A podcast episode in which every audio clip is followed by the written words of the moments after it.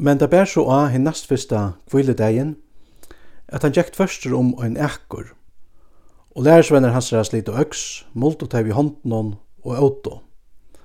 Men nekra av farsieren hon sett og kvi gjerra til det som ikkje øyre at vera gjørst en kviledeg. Og Jesus sværa i og sier vi tør, Heva til ta ikkje lise til som David gjørte til ferina, da han sjolvor og tar så vi hon var og hungra av Hvordan jeg fyrir inn i Guds hus og tok synesbreiene og akt, og gav oss tøymon så vi hon var Tei som det ikkje er øron løyvligt at ekta utan presten og ønsamøtlån. Og han sier vi tøyr, Menneskesåneren er òsne kviletaksens herre. Men det bær så av en annan kviledag, at han kom inn i samkommehuset og lærte, og er vær av mævor, og høyre håndtansere vær visen. Men hinner skriftlært og, og farsierne gav og gætter etter honom, og man måtte gruva om kvildegin. Til tess at han kom til å finne okkurst at klian fyrir. Men han visste hoksan tørra. Han sier vi mannen, og jeg heit av visst no håndna. Røyste opp og kom fram hier og i myina, og han røystest og før fram. Men Jesus sier vi tørr, Jeg spyrje tikkun om det er løyvlut om kviledegin at gjera gott etla gjera illt, a bjerga løyve etla tøyna tøy. Og han hukte rundt omkring at han nøtlun og sier vi mannen, rett håndna fram. Han gjør det så, og håndhansara var fruskattor. Men tar var og holdt oversynter og tala og kvør vi annan om hva tar skulle gjera vi Jesus. Men det bär så om hetta monte at han för nian av fjallet at halda bøn. Og han vær her alla nottna i bøn til gods. Og ta i dævren kom, kalla i han lærersvenner synar til syn, og valgte ut tølva tøymon, som han òsne nevnte apostlar. Simon, som han òsne nevnte Petor, og Andreas, bror hans herra.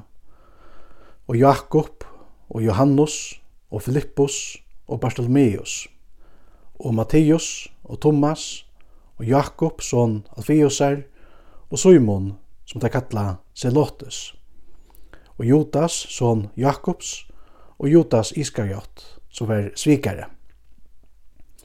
Og han fyrir oman vi taimon og stekka i av einon slatta, og er vært ta ein stor flokkur av lærersvønnen hansara og ein stor mongt av fölkje ur allare Judeo og Jerusalem, og fra sjøarbygden vi Tyros og Sidon, så kom vi å at høyre han og å få halsebaut for sjukdommen søgnen. Og teg i plava våre av Eurøynon Anton var og grøtt. Og öll mannfjalten røynte a sleppa at nema vi han, til at han kraft tjekk ut fra honom og grøtt i öll. Og han hevja i opp eiesøyne og løyt at lærersvøyn søgnen og sier, Sæler er og tid fatetjer Det er tikkara er gos rujtje. Sæler er at hit, som nu loja hunkur, det at tid skulle vera mektir. Sæler er at hit, som nu grætta, det at tid skulle leia.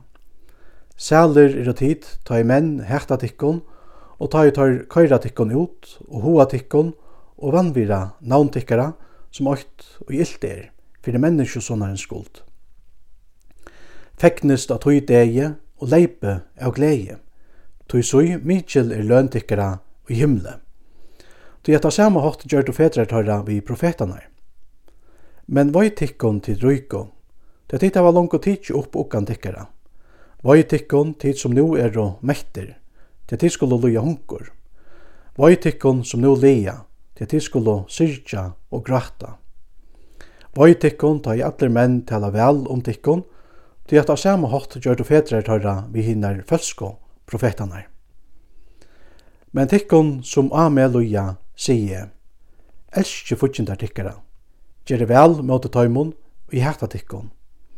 Va signe tei og bygge illt iver tikkun, og bygge fyrir tøymon som illkjenna tikkun. Slær onkur tei under annan venkan, ta bjau hon og hin. Og teker onkur kappa tøyn, ta møyne hon ikkje at tekka kyrstlen vi. Gjev kvarjon, så bygge tei. Og tann som teker teg, som tukt er, skal du ikkje krevje etter du. Og eins og tid vilja at menn skulle gjera det tikkon, det skulle tid òsne somløys gjera det tøymon. Og om tid elskar tei som tikkon hver jeg tøkk og jeg tid fyrir tei, tei sindarar elskar òsne tei som tøyr elskar. Og om tid gjerra vel mot tøymon som gjerra vel mot tikkon, jeg tøkk og jeg tid fyrir tei, tei er gjerra òsne tei sama. Om tid lena tøymon som uh, tid vanta å få atterfra, hver hverja tøkka jeg tid fyrir det. Det er lena læna øysne syndaron for jeg få a lykka negv atter. Nei, elskje futsindar tikkara, og gjere vel og lene utan at vanta å få nekka atter fire.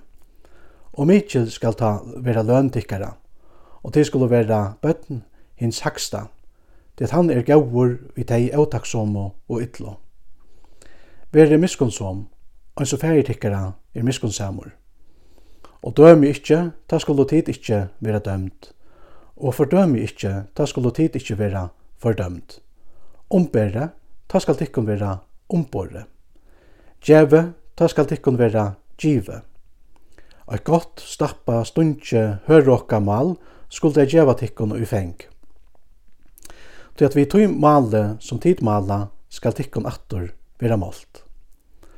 Men han sier tøymen òsne eit lyknelse. Man blindur få lagt blindan, Mono tar ikkje bægir falla i vøytina.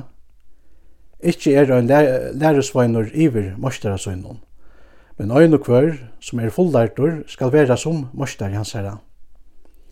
Men hvor sørst du flysene som er i eianon av brauertøynun, men bjolkan ut den egna eia vil du ikkje være vi?